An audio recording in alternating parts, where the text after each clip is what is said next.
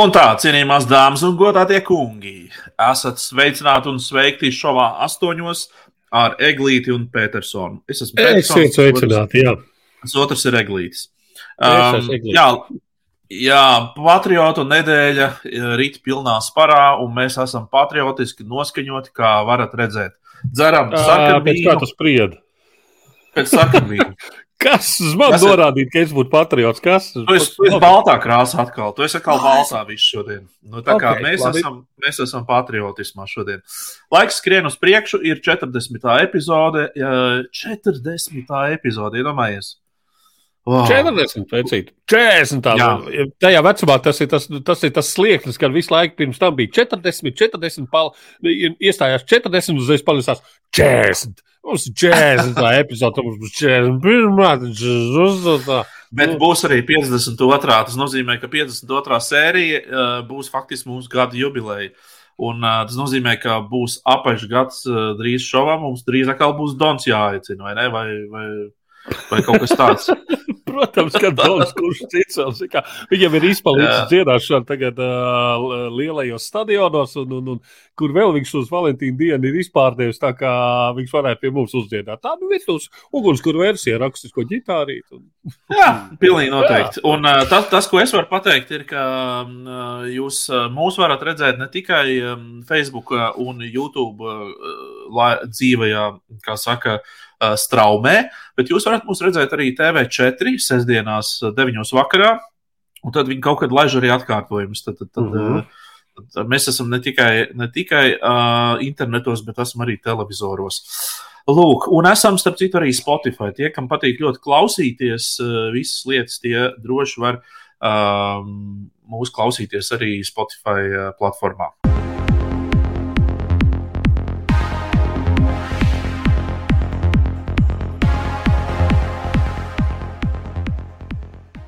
Sāc tu! Oh, es tev gribēju prasīt, kas tā kā tava nedēļa un tā viss šitais, bet tas Labi, jā, jā, jā, kam tas vispār Jā, jā, jā, interesē, Kam jā. tas vispār interesē? Ok, komendanta stunda atcels nākamā nedēļa. Klausies, komendanta stunda ir atcelta. Es dzīvoju Kuldīgā, paklausīga, likuma paklausīgs pilsonis. Principā Kuldīgā neviens tā arī vēl joprojām nav pamanījis, ka komendanta stunda jau pēc astoņiem tāpat neviens vairs nav. Uh, iespējams, ka daudz pēc šīs te a, a, a, komendanta stundas atcelšanas astoņos speciālīs ārā stāvēs. Un, Oh, cik forši beidzot atcēlīt. Es beidzot jūtos kā Es brīvs varu to darīt. Mani neviens neapspiež. Man... es Jā. drīkstu. Nu. Tā kā jā, komendants stundu atcels un varēsim justies atkal brīvi. Uh, Es, es, es to, jūtu, ka lielveikaliem. Eglītis, eglītis, eglītis darīja tā, ka pilnīgi tagad būs pēc 15. Uh, tumsā. Eglītis pavērš ķūnīšu durvis. Tā paskatās, neviens nav, var iziet. Aiziet, brīvi pliks pa dobīt izskrien vai ne? Jā. Ķūnīti, jā. Ātrāk, Klausies, Ar lielveikaliem. Kas ir Latvijā. Nu, kas ar lielveikaliem? Es saprotu, ka tagad būs tā, ka kaut kādi čiki briki veikali strādās sarkanajā režīmā, bet liela veikala strādās zaļajā režīmā. Jā? Tas būs tāds. Uh, Zini, es gaidu, Ah. kad Antivakseri izdos šīs te bildītas, atkal tā kā ka bija 60. gados uh, diskriminācija Amerikā, rasu diskriminācija, ka būs tagad vakcinētajiem speciāli izlietnīti un attei, un nevakcinētajiem milzīgas pīles un tā tālāk. Jā, nu, nu, kā tas darbosies? Tas, ka jūs būs ciet, jā? Ne? Es, ne, es nezinu, grūti, grūti pateikt, bet uh, es, tas, ko es dzirdēju un sapratu, ka sestdienās, svētdienās un sarkanajos datumos uh, lielveikali nestrādās. Bet, uh, ja tā, ja tā īstenībā godīgi uz to visu skatās, tad man liekas, ka beidzot tas, mēs būsim sasnieguši rietumu Eiropas līmeni. Jo, jo cik es zinu, Vācijā Lielbritānijā un tā, tur man liekas, sestdienās, svētdienās ļoti daudz kas nestrādā. Tā kā Tur Nu, nu, ir visiem jā, bet tagad skaties, nu, pawnshopiem ir. Ko nozīmē uh, lielveikals? Nu, vai tur tas piemājas kaut kāds uh, strūns, kaut kāds čiki briki veikalīgs, vai tas ir krūtāks par vienu lielu veikalu, kas varētu strādāt zaļajā režīmā un viss būtu ok, vai, vai tu tagad pa kaktiem. Tagad lielais veikals nestrādās, bet redz, tas mazais sūdiņš, kur viss tagad sadrūzojusies iekšā, tas būs vaļā. Nu, point? Nes- Kāda jēga no tā? Nesauc to par sūdiņu, Edgars. Nesauc to par sūdiņu. Tas ir vietējais uzņēmējs. Nevajag tā. Nē, es nedomāju par vietēju, es nedomāju par, par, par tādiem, nu, suvenīru veikaliem, kur, kā, kā, kā tu zini, mums ir abiem vājības svētdienas, agros rītos ir pēc suvenīriem uz vietējiem suvenīru bodiem. Nē, es domāju, kaut kādā lielie veikali, nu, lielo veikalu tīklu un to pašu veikalu kaut kādā bišķīts mazāks filiāls, un tā kā maksimai 3x. Man vienmēr patīk 3x, es tam esmu samaitāts. Un tad ir kaut kāda pusīgs, kaut kāds, kaut kāds. Pusīgs maksimums. Jā, nu, kaut kāds sūtīts. Nu, kas būtu loģiskāk, kas būtu tāds? Zinām, es teiksim tā, dzīvosim, redzēsim. Nav ko tagad spriedelēt, redzēsim, kā tas būs. Uh, galvenais jau ir patiesībā, lai cilvēki iet vakcinēties. Lai cilvēki uh, ir piesardzīgi, uh, pat arī tad, ja komendantu stunda, kā saka, ir atcelta, neba vajag tagad pēkšņi iet un zemēst un, kā saka, ārdīties, dul, dul, dulloties un tā tālāk. Jā, tad, tad saglabāsim veselo saprātu, gan jau kaut kā tie, ar tiem veikaliem mēs galā tiksim. Ziniet, ko mēs varētu netikt galā? Mēs varētu netikt galā ar to, ko mums uh, Elksniņš, uh, de, deputāts, viņš kādreiz bija saimnes deputāts, tagad viņš ir Daugopils mērs. Uh, Elksniņš ir ievārījis. Ko viņš ir izdarījis? Viņš ir notēlojis uh, tādas mazas uh, pilsētas lielu vadītāju, vai, vai, vai uzņēmies premjeru un prezidenta funkcijas. Piedod uz... pārtrauc Daugavpils, mazas pilsētas, ja? otrā lielākā pilsēta Latvijā. Maza, maza pilsēta, tā joprojām ir maza pilsēta, ja mēs skatāmies Krievijas, Krievijas līmenī, jo stāsts ir par Krieviju. Viņš ir aizbraucis uz Maskavu. Uh, un vienojies, es tā saprotu, par īpašu gāzes piegādes cenu Daugavpilī un piegādes kaut kādu ķēdi. Tātad tas pierāda to, ka, teiksim, nu, politikā viss arī ir diezgan radoši. Nu, tā, kā saka, tu, tu, tu, tu vari sajusties pietiekami liels savā mazajā ciemā, aizbraukt, pieklauvēt, piemēram, pie Maskavas mēra durvīm, uztaisīt kopīgu foto, kaut ko viņiem tur nezinām un nesaprotam apsolīt, visticamāk, un tu tiec klāt, tie, tiec pie kaut kāda laba dīla. Krievijai, protams, tas ir ļoti izdevīgi, tāpēc, ka, nu, kā viņi parāda to, ka reko, uh, valdība ar, ar, ar, ar sarunām galā netiek. Nu, tad, tad Eiropas Savienības līmenī arī neviens galā ar viņiem netiek. Bet viens tāds mazs elksniņš var aizbraukt un sakārtot savai Daugopilī lietas. Tā kā es teiktu, tā ir dalījusies no Latvijas tagad. Kā, kāpēc viņš tā, nu? šis ir ļoti labs jautājums, tāpēc, ka viņš to ir reāli darījis uh, Daugopils vārdā, nevis Latvijas vārdā. Uh, viņš ir aizbraucis un reāli individuāli sarunājis labāku dīlu, uh, saprotu. Nu, es, nu, nu, es domāju, ka tur ir vienam kaut kāds drošības dienas ešalonos drošības policijai. Nekādi jautājumi nerodās. Es aizbraucu, es sarunāju labāk, nezinu, prostitūtu un zāles trafiku kuldīgai, viss nopietni, viss notiek. Jā. Es tev okay. saku, tas ir vienkārši, tas ir kaut kas, nu, neviens jau, protams, viņš jau nezvanīja tagad ārlietu ministram un neteica, ka, hei, es tagad viss savu, tur, tur kaut kā uh, pārstāvēšu Latviju vai kaut ko tādu. Nē, viņš pārstāv Daugopilu. Kam viņam tur atskaitīties? Uh, Bet es domāju, ka valsts drošības dienestam šajā lietā ir jāieskatās, kas tur notiek īsti, jo tas, tas ir interesanti. Kaut kas neiespējams. Jā, jā. Es tam citu par valsts drošības dienestu runājot, uh, dzirdēju ja, ziņu par uh, Jānu Maizīti. Jā, uh, viņa aiziešana aizsaulē. Uh, jā, izsakam līdzjūtību visiem tuviniekiem un uh, tiem, kas viņu arī pazina. Uh, nu, žēl, nu, žēl. Uh, bet nu, es saprotu, ka Maizītis nav vienīgais, kurš ir no tādiem zināmiem cilvēkiem. thank you Ok, ja par bēdīgām lietām tad vēl izrādās uh, Andris Kolbergs, Latvijas viesos, nu, es pat teiktu, pats Pārējais. slavenākais, pats slavenākais Jā. krimināla romāna autors ir miris. Un zini, kas ir fantastiski, es uh, teikšu tā, ka tad, kad es vēl agrīnos tīņu gados, kaut kad no 80. gadu vidū mēģināju lasīt, es neteicu, ka baigi aizraujoši tas būtu tajā laikā, vismaz tā nelikās, un es mēģināju lasīt uh, kaut ko no vecāku grāmatu plaukt viņu grāmatām. Un man jau automātiski likās, ka, ka es nezinu, kāpēc, bet likās, ka nu, tas jau kaut kāds tāds cienījams onkulis gados, un tā, un tā, un tā. Iespējams, viņš to brīdi bija jaunāks nekā mēs tā tevi tagad, ja? Un, un, un, un, un, un, un, Bet tā vienmēr ir ar kaut kādiem cilvēkiem, eh, kurus tu ilgi, kaut kā nu, ļoti ilgi, tu esi redzējis viņa grāmatas, grāmatplauktos, vai kā tu redzi, pēc viņa grāmatām ir uzņemtas filmas, pie tam jau sēnas filmas, kaut kur jau uh, 70. un tā tālāk, kas jau bezmaz ir kļuvuši par kaut kādu nu, klasiku, vai ne? Tev liekas, ka nu, jā, nu, tas jau vairs nav starp mums. Jā. Nu, tas tā kā, tas tā kā ziedonis, kā vēl laikā teica, aiziet uz skolu un bērns skatās, ka. Oh! Es domāju, ka oh, tas ir beigts. Tas beigts, beigts. Tagad es esmu tā puiša lomā, kā tā. Jā, jā nu.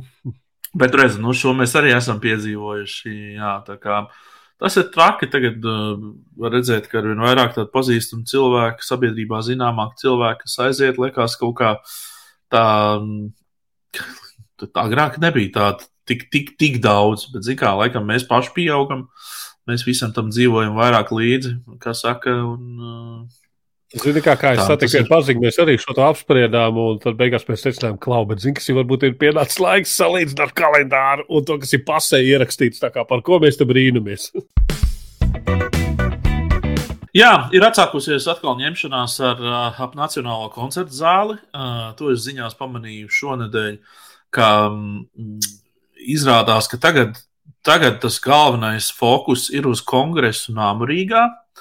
Uh, tur tā situācija sanākusi diezgan dīvaina, tāpēc ka no vienas puses Rīgas kongresa namam sen jau ir ieplānota pārbūve, un es saprotu, pārsauks to arī par Kronvalda koncertu zāli. Tā vairs nebūs kongresa, tas vairs nebūs kongresa nams. Bet tajā pašā laikā Bet tajā pašā laikā kultūras ministrija ir izdomājusi, ka tā tomēr gribētu redzēt kongresam vietā to nacionālo lielo uh, zāli. Un tad tagad un, uh, Rīgas doma, es saprotu, ir uh, nonākusi, nonākusi tādās kā krustcelēs, ko darīt, vai ne? Uh, un, un te vienkārši tā palasot uh, tos rakstus, ļoti smieklīgi liekas. Man liekas, nu šobrīd iedomājies uh, no vienas puses, lai uzbūvētu to Kronvalda koncertu zāli, lai uztaisītu to pārbūvi, ir vajadzīgi, nu, cik kaut kā tur 15 miljoni. Un, uh, tur jau es saprotu, ka valsts kas ir gatava iedot naudu, tur viss kārtībā.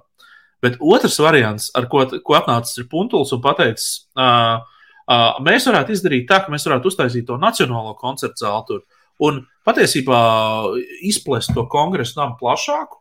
Uh, tā ka mēs tur, tur daļu tur ārlietu ministrijas vajadzēs tur nojaukt un ko tur vēl nē. Uh, un uh, tas, nu, cik es saprotu, varētu maksāt 200 miljonus. Tātad 15 miljoni pret 200 miljoniem. Tie 200 miljoni nevienam nav. Neviens nekur nekādos budžetos viņus nav iezīmējis. Līdz ar to, nu, tad, man liekas, te ir ļoti skaidrs, kas ir jādara. Ir jā, Nē. jāņem, jā, jāņem pirmais variants. Nu kā, nu, kam vajag to lielo 200 miljonu lielo monstru? Ja, ja, ja, ja pa 15 minūtēm dziedās, ka viņš pārtiek viens no otra, nu, kur viņš dziedās? Ah, nu, jā, nu. Nē, lai viņš dzied tajā Kronvalda koncerta zālē. Nu, maz, par maz, par maz, daudz par maz punktu. Jā, viņam vajag. Ā, nu varbūt, varbūt, zin kā. Labi, sekosim līdzi, kas tur notiek. Tas arī varētu būt interesants pavērsiens tur. Svētku patriotiskā nedēļa. Mēs esam svētku noformējumā, vai ne? Kā tu sākumā teici, nē, mēs neesam. Toties ir Rīgas domas apsveikums, ir iznācis. Un... Tu taču esi redzējis, vai ne? Tu Rīgā dzīvo, es guldīgā neko neredzu. Es savu šķūnītī tālāk neesmu bijis. Kāds ir tavs viedoklis? Saku uzreiz, kāds ir tavējs? Par, par, par ko tieši? Par to, ko es neesmu redzējis, par to, vai par to? Par, nē, par to. Tu, tu neesi redzējis to, to, to viņa apsveikumu. Nu, à, tu, tu, jā, par to es arī runāju. Tātad par šo te, uh, kas ir tas zelts ar, ar jā, tās jā. līnijas un tā tālāk. Man patīk, man liekas, gaumīgi un, un, un krāsas. Man ļoti patīk. Oh, kurā brīdī nacionāli noskaņotie konservi atkal pamanīja, ka tur ir Georgi Lentītes un tur ir viss šitais un saproties, un kā viņi cepās, kur viņi saskata visu to kur viņi ņem, kādā pasaulē viņi dzīvo, nu, nu, nu, kas notiek. Viņiem atkal, protams, ka tas nav labi. Viņi, un es atgādinu, ka tie ir tie paši cilvēki, kas visur pamanās iepīč kādu sasodīto svastiku, un pēc tam teikt, nē, nē, nē tā nav svastika, tas tur ir spogulīts, tas skatās, tā ir latviešu zīme, pērkoņu krusts, un kas tur vēl krusts, uguns krusts, un kas tikai nē, nu, un reiz, ka tas ir tie, tie paši cilvēki, tie paši noderīgie idioti. Viņi visur, viņiem visur rēgojās. Uh, šīs te. Uh, Viņš iet gulēt un ceļās. Uh, Zinies, skaties, tas ir interesanti. Skaties, uh, redz, ka ir uh, tautumeitas šādos te uh, tērpos. Jā. Nu, redz, ka tās ir tās pašas krāsas, tie paši elementi, tā paši motīvi, no turienes ir inspirācija un tā tālāk. Šim mākslas darbam ir arī nosaukums, šim arī ir uh, autors, un starp citu ir ļoti skaisti un forši ir aprakstīts, kas un kā un kāpēc šis uh, mākslas darbs ir tāds, kāds viņš ir, un, un, un kāpēc ir izmantot šie motīvi. Skaties, vēl redz, ka ir šis pats tautas tērps, kas ir mazliet savādāks. Uh, nu, ne savādāks, mm. -hmm. cita interpretācija. Un tagad skaties, par ko tie nāciķi cepās. Redz, ko ir viņa mīļotais ugunskrusts vai kā viņi sauc. Nu, problēmas, kur viņiem lūdzu, kur viņiem te Georgi Lentīts, kas notiek? Zini, Kaut kaut, kā tas reāls stulbums, un, protams, ka izceļas, ā, īpaši izceļas Jānis Iesaulnieks. Oi, par to vēl atsevišķi stāsts. Tev, nevajag, Visticamāk, tev, nevajag, tev neliekas, ka, ka viņi vienkārši grib vienkārši visu laiku tikai, tikai sporta pēc ie, iespērt kādam. Viņiem vienkārši neviens viņus galvā neņem, viņiem nav nekas cits, par ko cepties, tāpēc viņi tā kā uzvāra mazliet to Twitter vidi un tā. Tev tā nešķiet? Jā, tieši tā, tieši man tā arī šķiet. Viņiem cits nekas nav, viņiem nekā cita nav. Ne viņiem ko likt priekšā, ne viņiem savas idejas, ne viņiem savas kaut kādas vēl lietas. Tieši Tad tā. Viņi visur redz gejus, krievus, georgi lentītes un visu šo sūdu. Nu, Un man liekas, ka viss tā ņemšanās ar tiem nacionāliem jautājumiem pēc būtības ir tāds infantīlisms. Mēs jau 30 gadus, nu, 30 gadi jau ir pagājuši, mīļie draugi. Tur, tur kaut kā vajadzētu pieaugt taču vienkārši tiem visiem plebējiem. Kaut kā, es nezinu, man. Man nav ko teikt. Vienkārši nav ko, nav ko komentēt. Principā bez komentāriem. Ja par mākslu runājam, tad eh, vēl par kādu mākslas objektu, kas ir bēdīgi slavens kļuvis pēdējā laikā lielpilsētā, īpaši Daugavas krastā dzīvojušajiem. Atkal kāds No. murālis. Atkal kāds murālis. Zini, šoreiz daudz sliktāk, un šis ir noteikti gada fails reklāmistiem un, un, un visiem tur iesaistītiem. Tātad bēdīgi slavenais korupcijas aizbergs. Ja, uh, ja esat redzējuši video, un tie, kas ir redzējuši video, noteikti zina, ka tur apakšā ir, uh, nu, tas video sākās no dzēlmes, tur kamera peld, un tur rātu aizbergu apakšu, un tur visādas sliktās lietas tiek pieminētas. Un vai jūs zināt, kāpēc mums mazas algas, un kāpēc mēs slikti dzīvojam, viss šitais. Un tad paceļās aiz ūdens, un tur ir milzīgs uzraksts korupcija, un uz tā aizberga tā ir tikai tā redzamā daļa. Kas notiek? Protams, kaut kādā brīdī kaut kāds eh, klucis sāk peldēt Daugavā. Nu, vienkārši tā, ka neviens, Kaut kāds klūts. nu, neviens nesaprot, kas tas ir. Tas var peld kaut kāds klucis, tas ir e, no koka, apvilkts ar agroplēvi, nopūsts ar kaut kādām makrofleks putām, pēc visu spriežot ar gošu krāsām, nokrāsots. Tas neizskatās neefektīgi nekā. Tas izskatās vienkārši pēc kaut kāda atkrituma, kurš ir atpeldējis kaut kur no Daugavas augšas un, un, un vienkārši kaut kur. e, Baltkrievi paudu mums ir iesūtījuši vienkārši kaut kādu. Jā, kaut kas nesaprotams. Un ne pēc tiem mērogiem viņš nav iespaidīgs. Viņš tajā. Un, un, un, un, un, lai būtu vēl smieklīgāk, tad kaut kādā brīdī uzlīst lietus, un kas notiek? Šīs te klūcis, šī bezformīgā masa maina krāsu un no balta, kas tad sākumā ne pārāk balts izskaties, viņš paliek. Dzeltens, un tā kā sačurāts sniegs, un kaut kāds tāds saplucis, sačurāts sniegs peld tagad tur visā tajā. Protams, ka visi iesaistītie sāk meklēt vainīgo, kas un kā, un vienā brīdī šis korupcijas aizbergs uh, Pazūd. Tiek izskalots krastā, tiek atrasts tur vēl kaut kāda, ir kaut, kā, kaut kāda grafitī meistara, kaut kāda strunka ir uzrakstījuši virsū. Un, protams, ka šo kampaņu atsauc un pasaka, ka nevienam neko vairs nemaksās un nekas nebūs. Un, un, un, un tā tur ir vandālisms piedzīvots. Reklāmists saka, mēs izstrādājām tikai dizainu, būvnieks saka, mēs eh, taisījām to, ko mums iedeva un tā tālāk. Un tā tālāk var sakot, reāls sviests, kas eh, viņš, tas arī izskatās pēc vecas sviesta kluča, kurš, kurš, kurš tur peldēja. Un eh, pats jocīgākais, ka tas eh, viss eh, izmaksāja 25 eh, kā ar kapekām. Tā kā, nu, O, kā es gribētu piedalīties šitā. Jā. es arī būtu gribējis, es savā šķūnītī, man liekas, dažos vakaros, nu tādu kaut kādu. Kaut ko, nu, vienkārši tur kaut ko buļbuļsakti, sanaglo kaut kādus dēļus, apvēc to ar agroplēvi, nopūt ar makrofleks. Nu, labi, cik tu tur ieguldīsi darbu un tā tālāk, bet gal galā nu, 25,5 kā. Nu, tagad ir kas ir izvejots ārā, un, un, un, un, un, un, un ir eh, nolikts kaut kādā noliktavā šis dzeltenais klūcis. Kam? Nu, varbūt kādam scenogrāfistam vajadzēs, varbūt kāds uh, kaut, kāds, nu, kaut kādos, nezinu, teātros vai kuru izmantos. Kam? Stikla, Tādam ka, stikla mēs. kalns. Stik, zeltainā stikla kalns. Vo! Zeltainās kur jā. kalns, jā, tieši tā. Es iedomājos, kā lauka amatieru teātra pēc tā stāv rindā. Kā tik ne arī? Kā tik ne arī? Nu, un tad pēdējais mākslas darbs no manas šajā pusē. Uz atjaunotās okupācijas muzeja piebūvētās sienas mitrā laikā rodas tumši plēķi. Es nezinu, vai tas bijis tagad Rīgas centrā, ja tur uz tā baltā, uh, uz baltās fasādes ir. Es māju O. sēžu. Ko tad? Es māju sēžu. Es nevaru tā iet Ah. kaut kur apkārt, vai gar okupācijas muzeju vazāties. Man ir Jā, jā, māja, jā. mājās sēžu. Nu, à, nu skaidrs, jā, es saprotu, ko tu saki. Nu, lūk, un tur tagad ir, kā tu redzi, tas ir vienkārši izskatās pēc totāla būvniecības kaut kāda faila, pēc pamatīga defekta kārtējā kaut kāda. Uh, tas nav domāts. Kas notiek tur, mēģina žurnālists sazvanīt un tik tiešām noskaidrot, kas un kā un kur un ko, un valsts nekustamā īpašuma pārstāvis saka, nē, nē, nē, tas tā ir domāts, jo, nu kā, nu, saistībā ar laika apstākļiem tur mainās viss šitās te temperatūras un tā, bet tas vienkārši izskatās pēc kaut kāda kārtējā būvniecības faila, tas izskatās slikti. Tas tas izskatās briesmīgi.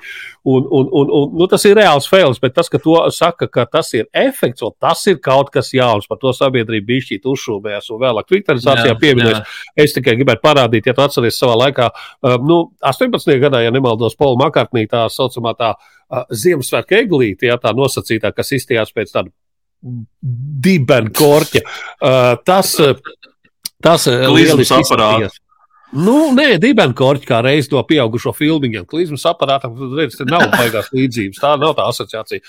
Un eh, kā asprātīgi Twitter lietotāji jau bija pateikuši, ka reku šito vēl nolikt, tad tur būtu pilns komplekts visam šim. Tā kā tā, ja jums rokas aug no pakaļas, tad mierīgi jūs varat eh, defektu nosaukt par efektu, pateikt, ka tā tas bija domāts jau pašā sākumā, un jūs lumpeņi neko nesaprotat. Tā, tā pie mums notiek.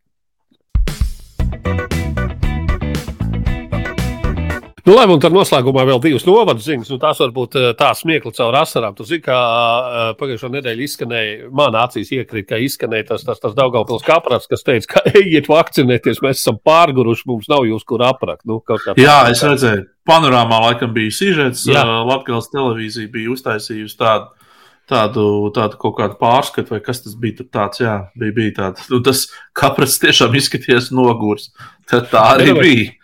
Nu, jā, un iedomājieties, ja, ja mēs atceramies uh, filmu, mans draugs ir nopietns cilvēks ar to kapraču ārku, ja, ka, ka viņam jau pēc idejas būtu krūtāk, jo vairāk, jo labāk, bet ja pat viņi ir pārguruši, nu varbūt cilvēki ejiet vakcinēt. Jā, jā, jā nu, nu, tieši nu, tā. Un, Manā dzimtajā, nu kā dzimtajā, manā pilsētiņā, Kuldīgā, tagad uh, ir tāds, tāds, tāds, tāds neliels troksnis, uh, vētra, ūdens glāzēs atcēlusies, kāpēc ģimenes ārsta paliks uh, 1500 pacienti, jo uh, Nacionālais veselības dienests ir pieņēmis lēmumu laust līgumu ar vienu no ģimenes ārstiem Kuldīgā, kur ir diezgan populāri, jo nu, viņi atsakās vakcinēties. Tā kā uh, Nu, kā tā, tā mums, notiek, mums jā, nu, šodien, es domāju, es domāju, mums šodien būs saruna arī ar vienu no ārstiem, kurš ir diezgan aktīvi iestāj, iestājās par vakcināciju. Un, un, un es ceru, ka viņš arī kaut ko pateiks par, par ārstiem, kas, kas, kas, kas nu, kā saka, ir antivakseri. Nu, ceru, ka būs viņam kāds,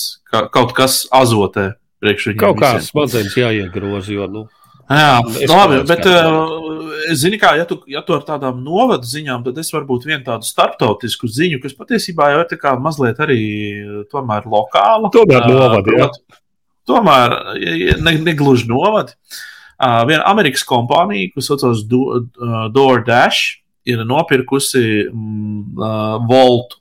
Tie ir tie somas, tas, tas somu uzņēmums, kurš rīzniekiem vismaz, es, es nezinu, citās Latvijas valstīs. Tas ir tie džeki, kad ar tiem pedāļiem un atsužā, jā, tam lielam somām. Es esmu klāt. Jā, lielām somām uz muguras viņi piegādā pārtiku, cerams, siltu.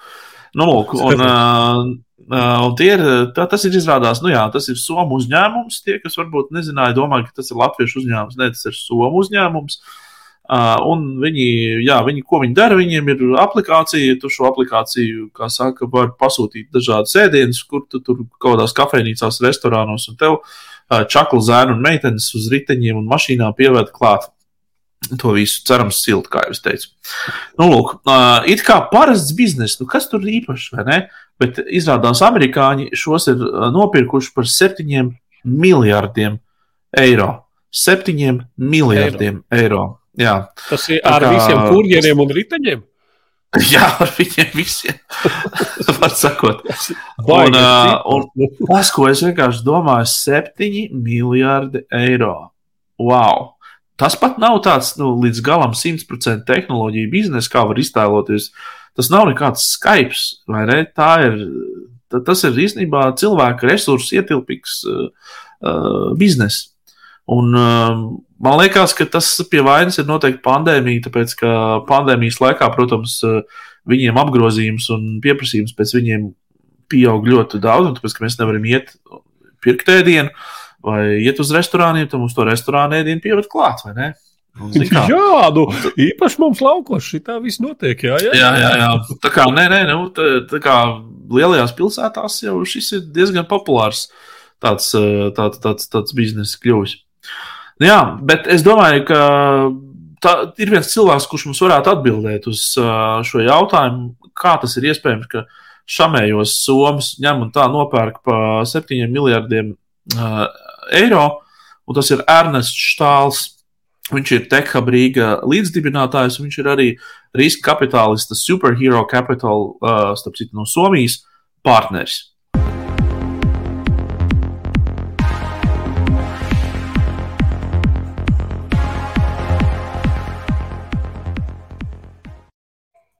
Nu, lūk, un, uh, lai izskaidrotu patiesībā, kas ir noticis ar Voltu, kas ir noticis ar mūsu mīļo Voltu, uh, mēs uh, esam uzaicinājuši vienu superlielu uh, lietpratēju un ekspertu uh, Ernestu Štāls.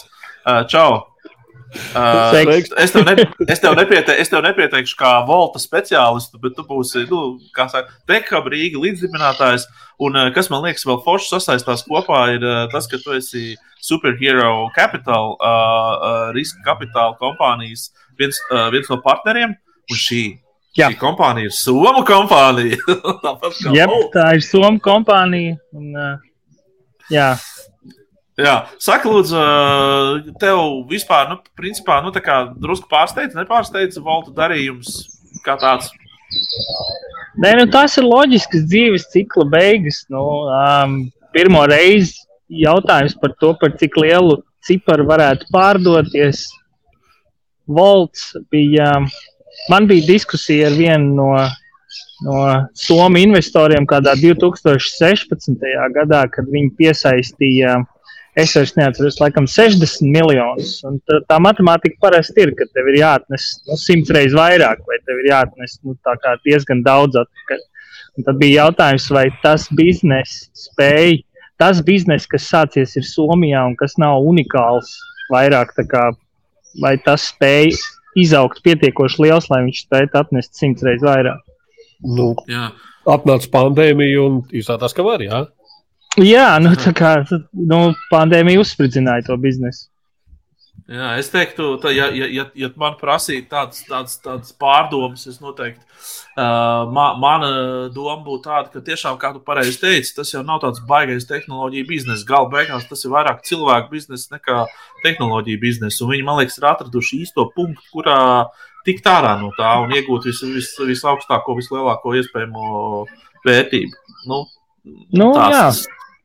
Vai ne? Varētu tā Nu, būt. viņi paņēma, viņi sāka ar tukšu nišu Skandināvijā. Uh, es, Mikī, Mikī Kūs, kas ir CEO, mēs ar viņu iepazināmies pirms desmit gadiem, kad viņš bija viens no slašu organizētājiem un ņēmās Alto IS. Un pēc tam viņš uh, nodibināja uh, Voltu. Jā, Tā kā, O, tad jā. viņa saticis dzīvē, jā. Nē, es, es īstenībā viņam aizsūtīju vakarā apsveikumu, congrats, un tad es teicu, varbūt var uzreicināt uz sarunu. Viņš teica, ka pašlaik viņš tāds diezgan aizņemts ir. Un, uh, nu, kad viņš teica, I will politely decline, un tad mēs vienojāmies, ka mēs slašā varbūt tagad saskriesimies, un tad kaut kad nākotnē. Jā, jā. Nu, ļoti labi. Uh, ko Latvieši varētu par 7 miljardiem pārdot šobrīd? Kas mums te tā kā saka? Instrumenti kastē mētājās. kas mums mētājās. Nav jau tā, ka nevarētu neko pārdot. Uh, nu, skatāmies, kas ir kaut kāds lielāks rauns piesaistījuši Printfais. Uh, Printfuls ir uh, arī te jau knosās par uh, kotēšanos biržā. Paskatīsimies, kas tur notiks. Um, tad ir kaut kādi. Nu, jā, Kāds varētu Nu, nav mums baigi daudz. Mikrotika. Redz, Volts bija startup, startup piedzīvojums. Tas bija taisīts, pacelsim naudu, piesaistīsim un ņemsim un taisīsim un pārdosim, jo tas ir startup piedzīvojums. Mikrotiks uh, ir foršs bizness, un Latvijā ir vairāk tādu, kas ir vienkārši bizness, kas ir, nu, kas strādā priekš dibinātājiem. Viņš ir veidots kā uztaisījuši foršu biznesu, un uh, nu, es ar to gribu strādāt visu mūžu vai kaut kā tā. Uh, un viņiem varbūt kādreiz būs kāds strateģiskais investors, bet, nu, Mikī ir, uh, tagad kādi 35. Nu, viņš ir jauns džeks, viņš ir gribēja vienkārši uztaisīt uh, startup. Nu, viņš ir no tās somu uzņēmēju paudzes, kurai sēdēja uh, lekcijās augstskolā, un viņiem profesors teica, ejiet strādāt uz Nokia, jo tas ir stabils darbiņš.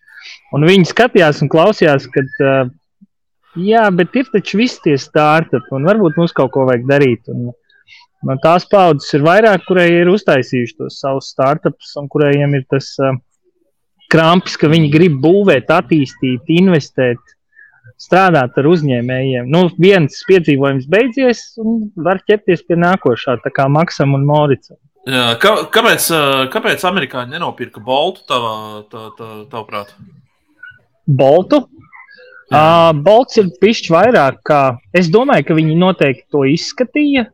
Uh, gan jau bija arī variants, uh, varbūt nopirkt uh, tīri to, kas ir food delivery uh, biznesu. Bet Bolts savukārt ir arī nu, pietiekoši ambiciozi džeki, kurai ir izdzīvojuši cauri visādām, visādiem laikiem. Uh, kad te bija, kad te viņiem pavisam nesen viņiem bija riktīgi grūti un viņiem vajadzēja vēl kaut kādas subsīdijas. À, viņiem cits Jā, virziens, viss tas takšu no, bizness. No, no valdības. Jā, no valdības. Igauņi viņiem, Igauņi viņiem pateica, ka jūs mazie viltnieki esat visu pieregistrējuši Latvijā un mums neko nevaksājat. Tad uh, mēs jums neko tur nedosim. un, uh, tā kā viņiem ir cita, es teiktu, cita kultūra un cits. Uh, nu, apgriezieni vai nu, mērķis, jo viņi, viņi, viņi pa, pamazām palaiž pa vienam visādus interesantus blakus biznesus, un viņiem ir bijuši citi tādi savā ziņā apgriezieni. Vai pie tevis, kā pie superhero kapitāla pārstāvi, kāds griežas Latvijā ar labām idejām? Nu, tā, ka tu uzreiz vari tagad, nu, kā saka, pateikt, jā, pie manis ir trīs foršas idejas šobrīd. Nē, nu, mēs esam Aha. investējuši print on pack, Mēs esam investējuši print on pack, kas ir uh, fleksiblo iepakojumu uz pieprasījumu printēšanas biznesa. Kā varētu jā, teikt, es esmu dzirdējis. Print on demand. Jā. jā, jā, viņi forši ir. Nu, mēs forši runājam ar vēl vairākām firmām Latvijā. Nu, tā kā, nav tā, ka mums nav ideja. Nāk. Jā, ļoti labi. Nu, tad, ja kaut kur mēs, ja mēs tiekam līdz galam, tad mēs, protams, nu, diezgan skaļi arī to pasakām. Jā, man patīk, kā tu teici, ka tās ir kaut kādas dzīves cikla beigas, klausies, pārdot veiksmīgu uzņēmumu un iekasēt milzu naudu. Tas daudz ir tikai sākums, tā kā kādas ir beigas. nu, Zini, kā tu izēji cauri tam piedzīvojumam un tajā mirklī. Visā tajā startup piedzīvojumā vienā mirklī tev ir jāuzdod jautājums, kāpēc es to daru. Un, ja tu to dari dēļ naudas, tad visticamāk, naudu vari nopelnīt kaut kur citur vieglāk, ar mazāku krēķi.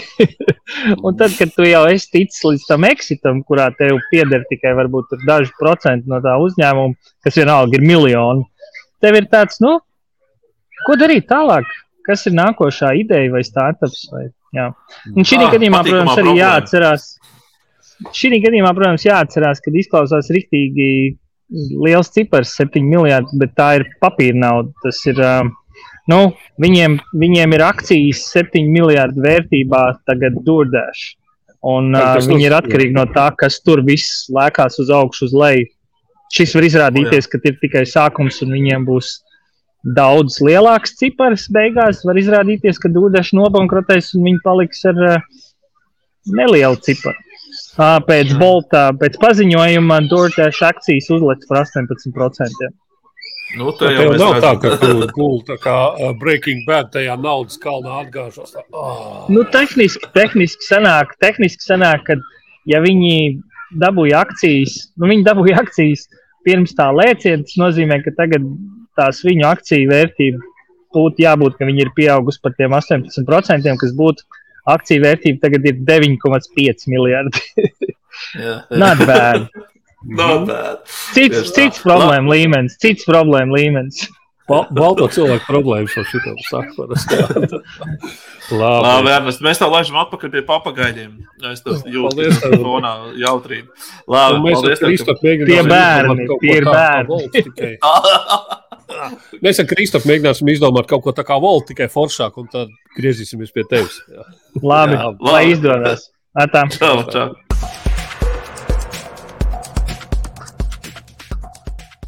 Nu, Lūk, diena pēc mēs esam jau faktiski gada nogalē. Finišs tūlīt būs gadam. Mums tūlīt būs 3. februārī. Mēs svinēsim savu, tagad sanāk, es pareizi atceros, trīs gadu jubileju. Tad jāsaka, kā ir.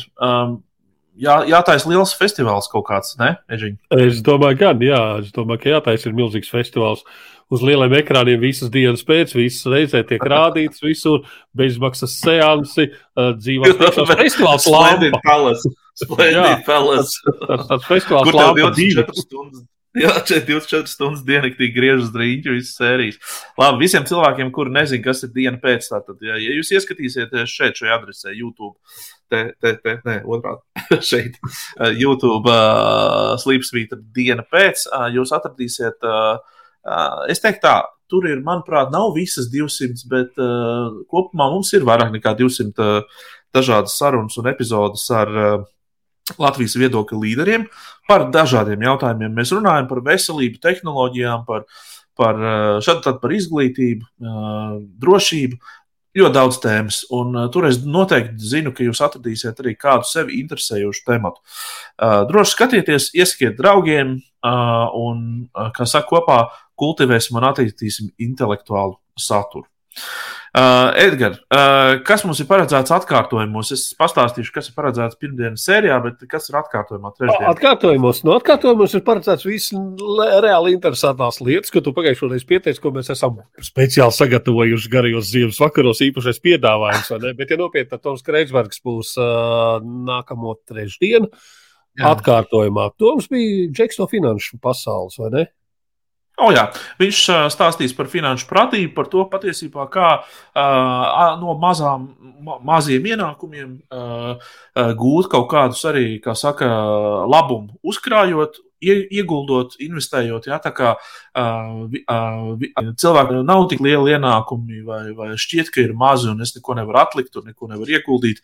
Toms Kreitsbergs uh, stāstīs un rādīs, kā to var izdarīt. Tā kā trešdien uh, sekojiet līdz tam.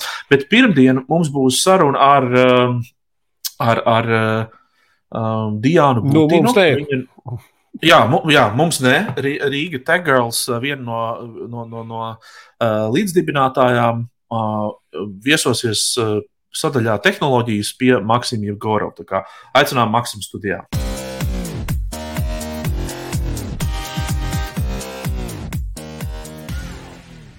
Čau, Maksim, prieks tev redzēt. Jā, Maksim, jā.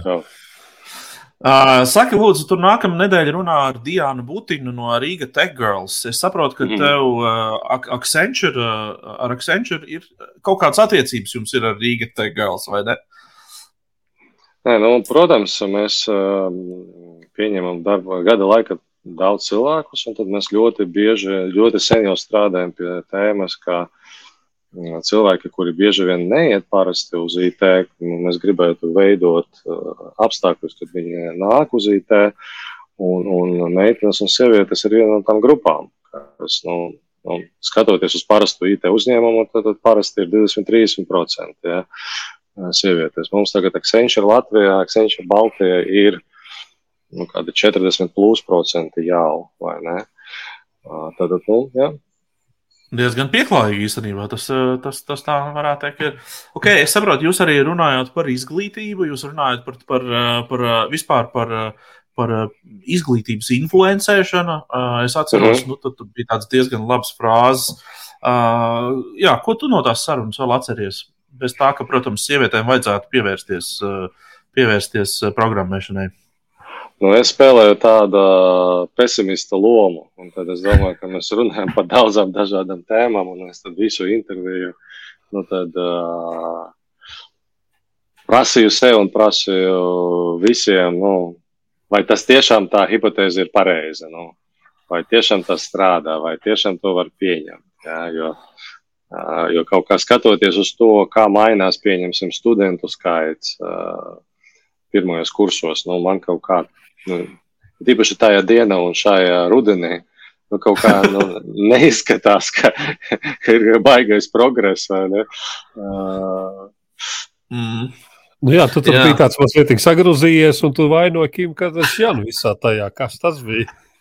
Ot, uh, uh, nē, nu, saproties, man liekas, ka es uh, sāku runāt par Kim Kardashianu. Tajā brīdī sāku pats domāt par Kim Kardashianu. Es kaut kādā brīdī sapratu, ka man ir divas puikas, un es neredzu, kā mārketinga lauks ietekmē uh, meitenes. Jā, un es, piemēram, es neiztēlojos, nu, ko nozīmē, nu, ka tu, piemēram, ir, ir, ir meita Un tātad viņa, viņa tur paliek 8, tad viņa paliek 12, un viņa paliek 15. Jā, un man kaut kā sāka likties, ka nu, ar puikām nu, man nav daudz no tiem jautājumiem, kurus man būtu ar meiteni, audzinot meiteni. Ja? Un tad es sāku aizdomāties, ka patiesībā sakot, nu, jā, tur ir tas Kim Kardashian jautājums. Ja, Skaidrs. Ļoti labi. Es domāju, vairāk, vairāk neko neatklājam. Skatāmies nākamā pirmdienu epizodi. Maksim, liels paldies, ka tu pievienojies. Un, uh, tā.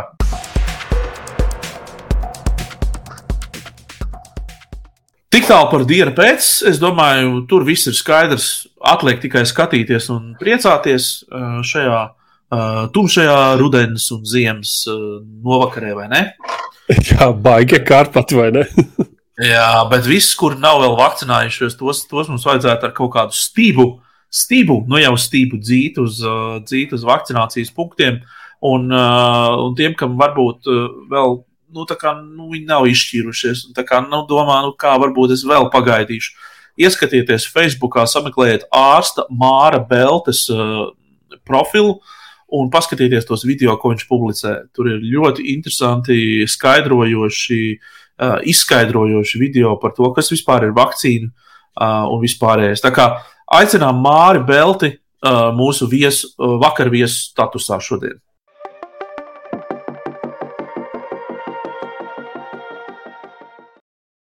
Dāmas un kungi, mūsu šī vakara viesis ir ārsts Mārcis Belte.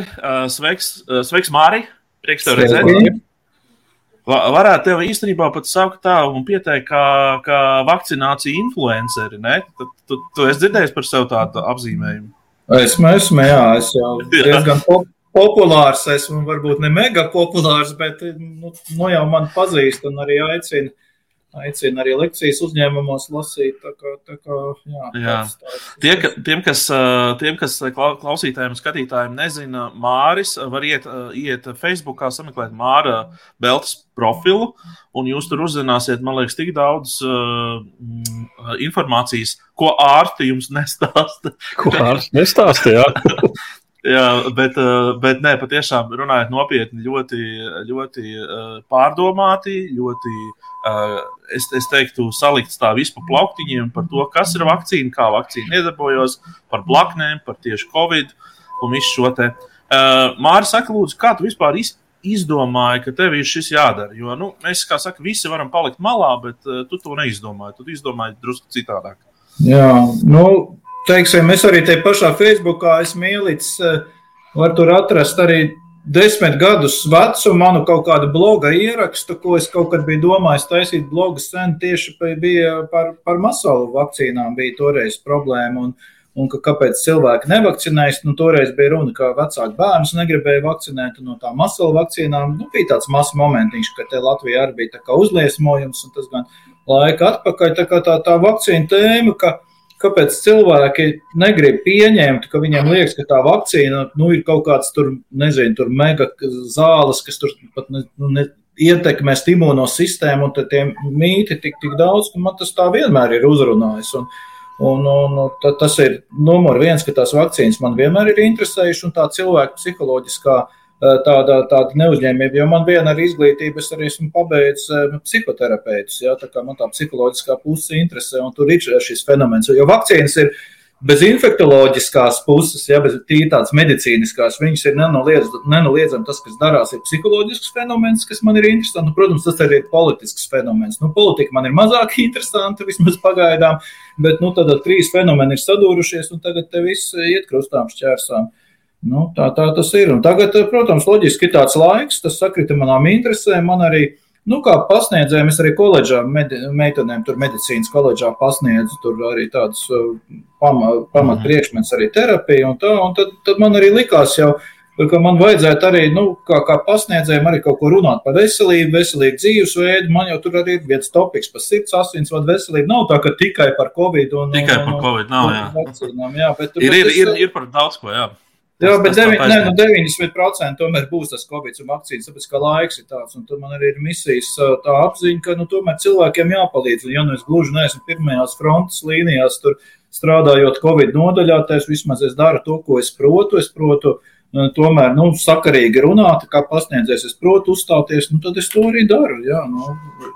Es arī praktiski vakcinēju cilvēkus. Nav tā, ka es tikai teorētiski. Es arī esmu Es baidos tagad uh, nobiedēt cilvēkus, bet ma- man vienreiz uzdeva jautājumu, es parēķināju, ka kaut kādi desmit tūkstoši būs, kuriem es esmu uzlicis savu ārsta zīmodziņu, ka es esmu apstiprinājis, ka, ka, ka viņi drīkst Tas ir vakcinēt. tieši covid. Aha, jā, jā, Tieši Covid, jā, jā, es arī aktīvi iesaistos. Es braucu, biju te uz Latviju veselu nedēļu, braukāju pa ciematiem, bet arī tais vakcinācijas centros, gan uz Jālgavu braucu, gan uz Ogri, gan uz Dobelu. Un, nu, reāli tur jau rindas stāv, tur tie cilvēki daudz, un, un protams, ka Mhm. tur baigi daudz laika nepievērsīs, bet ir cilvēki, kam, kam vajag vairāk pievērst, kam ir kaut kas ir satraukušies, uztraukušies vairāk, jo tur gandrīz tas darbs ir, ka arī kā psihoterapeitam jāstrādā. Protams, viena izglītība man ir kā internets iekšķīgo slimību speciālists, nu, tad es, protams, varu to medicīnisko pusi izvērtēt, plus arī tas, tas ir diezgan būtiski to psiholoģisko stāvokli cilvēkiem. Jā, jā.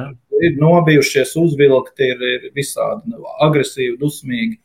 Nu, un ko tu viņiem vari stāstīt? Jo, ja tu lasi lekcijas, un tas skaidrs, tad uh, ir kā no tādam savam burbulim, tu lasi lekcijas, tur ir kā nebūtu jāpaskaidro, ka, kāpēc tas viss ir jādara. Bet ko tu saki tādam, es nezinu, tādam, tā kā tu saki, dusmīgam, uzvilkušam liktam, kādam laukam? Jā, nu, nu, baigi tur strīdēties no vārds, jo nu, viņš grib izgāzt dusmas, ka viņa ir sliktais kariņš, piespiedz ar Pavļutu, un, ka tagad ir fašisms, jā, un, un viņš tā, nu, bet, nu, ja viņš ir ticis līdz vakcinācijas centram, viņš jau ir pieņēmis faktu, ka viņš jau ir padevies, bet, nu, vienkārši, nu, nevar tā bez pēdējās kaujas padoties, tad viņš to pēdējo kauju mēģina tur, tur izcīnīt. Ar tevi izcīnīt. Pēc jā, jā, vismaz. nu, ar mani, ar māsiņu, ar reģistrātoru, un, Un, un tad es, es, es viņam tur tā, es tur baigi ar viņu tur tagad nestrīdēšos vēl. Nu, viņš, viņš jau tāpat ir zaudējis, ko es ņirgāšos par cilvēku, kurš ir zaudējis. Un tagad sākšu, es teikšu, nu jā, ka, nu, es, es pieskaņojos, es saku, ka tā ir, ka dzīve mums piespiež. Es nesaku, ka mēs te piespiežam, nu, kā, nu tāda ir, tā, es tā kā ar līdzjūtību izturos. Un,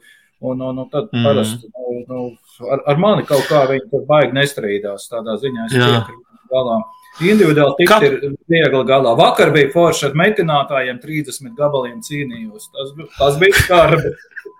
pastāst, pastāst. Pastāsti sīkāk, tu tā ieintriģēji ar 30 metinātāju. Nu, kā es minēju, ka man uzaicina uzņēmumi, nu, tie jau ir komerces pasākumi par naudu. Protams, es viņiem nolasu, bet nu, uzņēmumam arī ir svarīgi, pirms viņi kaut kādas skrūves piegriež saviem darbiniekiem, viņus arī informēt un izglītot. Un, un tad eh, parasti, parasti jau nu, ir, ir tie cilvēki, ir viens otrs, tur kaut ko papukšt. un tā- Tas ir tāds standarta publika un šaubas, bailes. Bet, nu, Vakar Dobelē īsti metāli. jā. Tur bija jau metāl, met, metālisti, tur bija īstie metinātāji, tur bija veči, tāda auditorija kaut kur starp 30 un 40 cilvēki.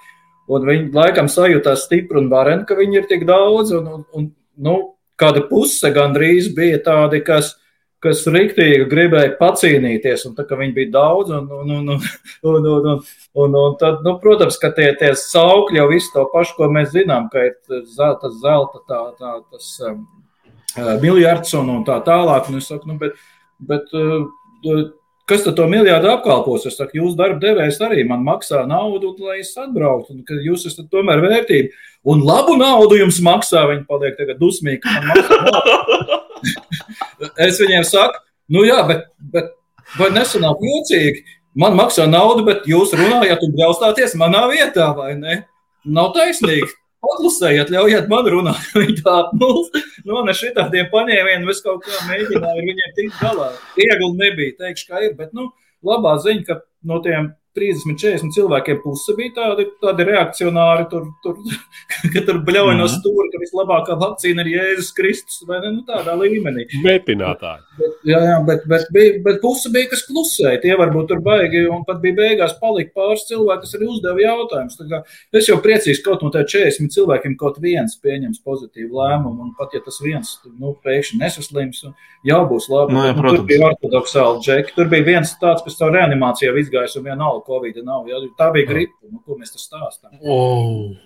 Klau, bet uh, vispār, ja, ja, ja mēs tā vispārīgi runājam, ne par varbūt metinātājiem vai pensionāriem vai, vai publikām, bet abstrahējoties no, no, no, no tā, kas tas cilvēks ir, tas, kas man visvairāk pat šajā konkrētajā reizē tā kā, tā kā nevarētu teikt, uztrauc, bet izbrīnīja bija tas, ka cilvēki pat ar augstām izglītībām uh, ir noliedzoši. Ja, ja tu skaties no šī tā, no tādas psiholoģijas vai psihiatrijas uh, perspektīvas, kā tu to kā skaidrotu? Kas tas tāds jā, ir cilvēks? Jā, jā, nu,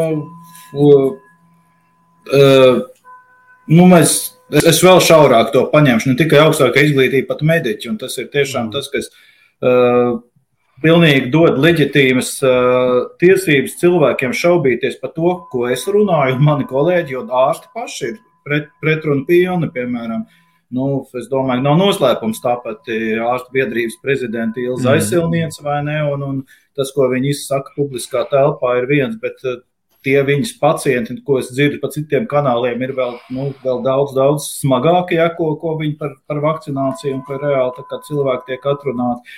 Tas pats uh, arī, nu, piemēram, nu, šis, šis uh, Brīvvalsts TV, ja tā to sauc, piemēram, tur tāds eksperts kā dr. Lauris Līcīts, ja klīniskais imunologs, eh, kā, kā, es viņu arī pazīstu, es eh, dr. Lauris Līcīts ir pat bijis pasniedzējs, ka savā laikā toreiz nebija Stradiņa universitāte, vēl medicīnas institūts, jauns pasniedzējs bioloģijas katedrā, un, Un, un, nu, piemēram, Dr. Lauris Līsīts jau es atceros, ka viņš jau, jau no jaunības viņš ir tāds, kurš kuram ļoti, ļoti svarīgi bija to savu autoritāti un gūt atzinību. Un, un, un man liekas, ka, ja runā par doktoru Lauru Līsītu, viņš kaut kur ne, negūda pietiekamu novērtējumu tādā klasiskajā karjerā, akadēmiskajā.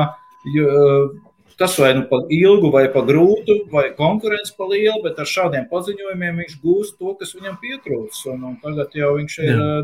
Viņš ir zirgā, viņš ir viens no labākajiem. Tā kā, piemēram, ja runā par doktoru Laudu Līcīti, piemēram, konkrēts piemērs, es domāju, ka tā vien, viens no argumentiem spēcīgiem ir cilvēkiem, kas svarīgi justies svarīgiem, ka viņš gūst atzinību, ka viņš tiek novērtēts, un tāpēc arī, nu, Un, ja tas vēl iet ar viņu tādiem varbūt bišķi opozicionāru uzskatiem jau līdz tam kopā, nu, tad viņš arī pedalizē šos savus opozicionāru uzskatus. Nu, tā es to skaidrotu, kas Ilza aizsilnieces es tuvāk nepazīstu, bet nu, es varu pieļaut, ka tās ir savas kaut kādas um, ambīcijas. Nu, ambiciozi viņa dāma ir neapšaubām, bet nu, tad, tad šeit, šeit viņa var, var, var būt atkal, ka viņa ir.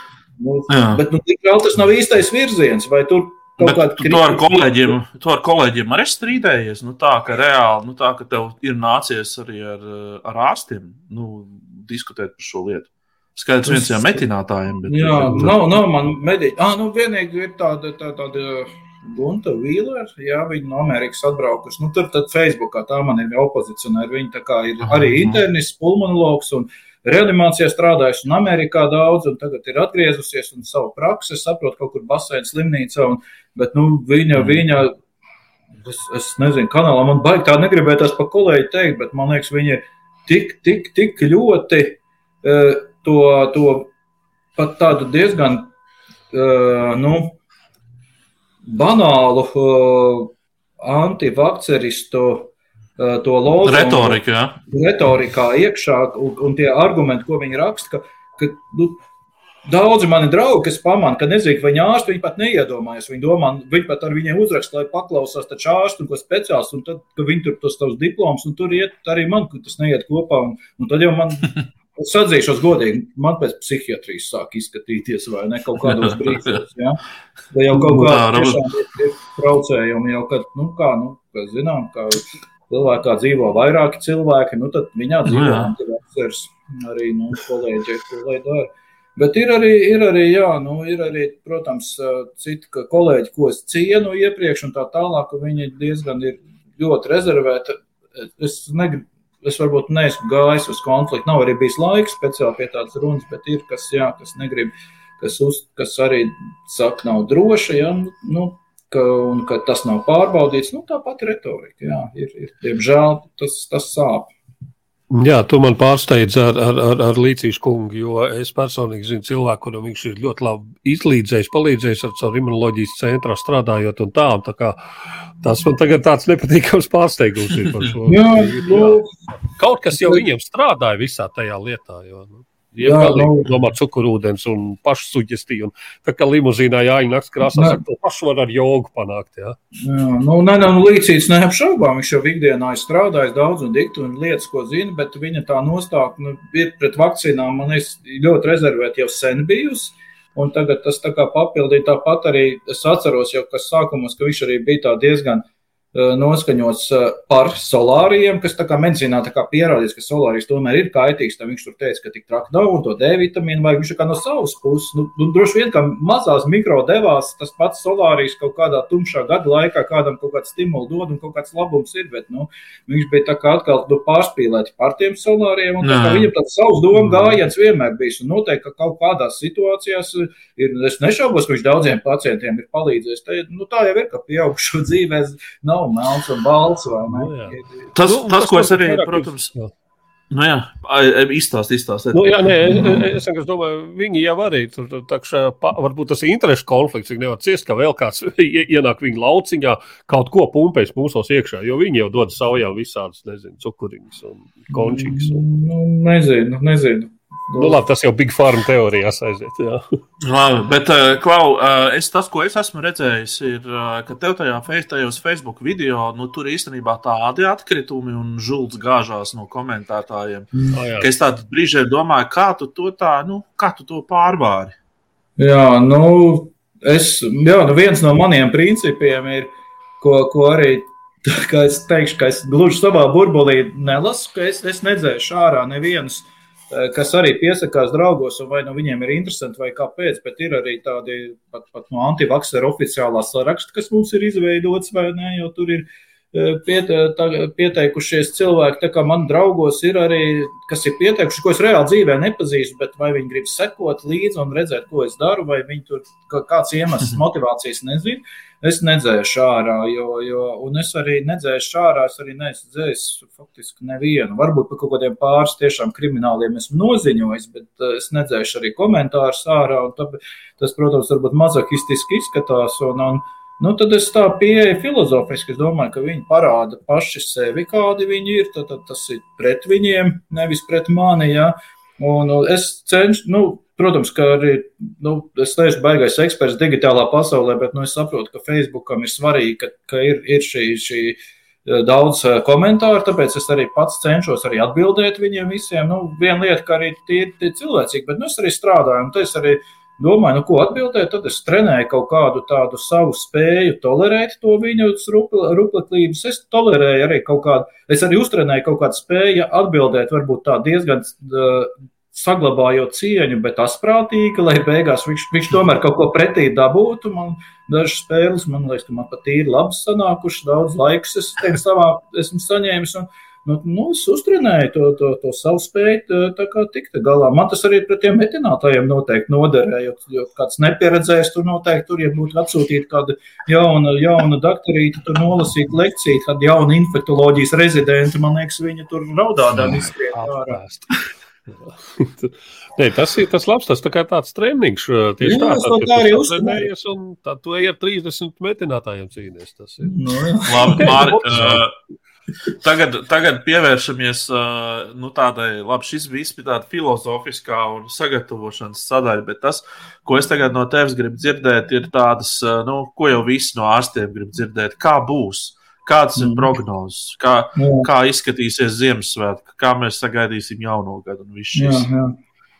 jā, nu, labi, es, protams, nu, ne, gaišreģis var sanākt visādi, bet, bet tā, tā man, ka tuvākā un tālākā vīzija, ja, nu, tuvākā es neredzu milzīgu uzlabojumu. Es esmu tiešām priecīgs, ka kaut kāds efekts ir tiem mūsu ierobežojumiem, jo, nu, ja tā skatās, nu, tomēr mašīnas brauc un cilvēki ir nu, nav baigi apzinīgi ievērot. Tas, ka tagad mums ir krities līdz cik tur kaut kā 1300 laikam ar kaut ko tas kumulatīvais, ja tagad, nu, tas, protams, ir labi, bet, un, un, bet tā tendence, ja mums tagad 15. attaisīs vaļā, visticamāk, ka atkal būs kāpums, plus svētki cilvēki satiksies, Ziemassvētki arī, nu, nu es, es tomēr prognozēju, ka atkal būs kāpums, vai viņš būs atkal uzkāps līdz tādiem cipariem, kā bija. Uh, Nezinu. Jā, labā ziņa ir, ka tomēr cilvēki daudzi ir nobijušies, nu, vai arī piespiesti, bet nu, vakcinācija mums ir aizgājusi uz augšu. Tagad laikam jau ir kaut kādi 60, cik tur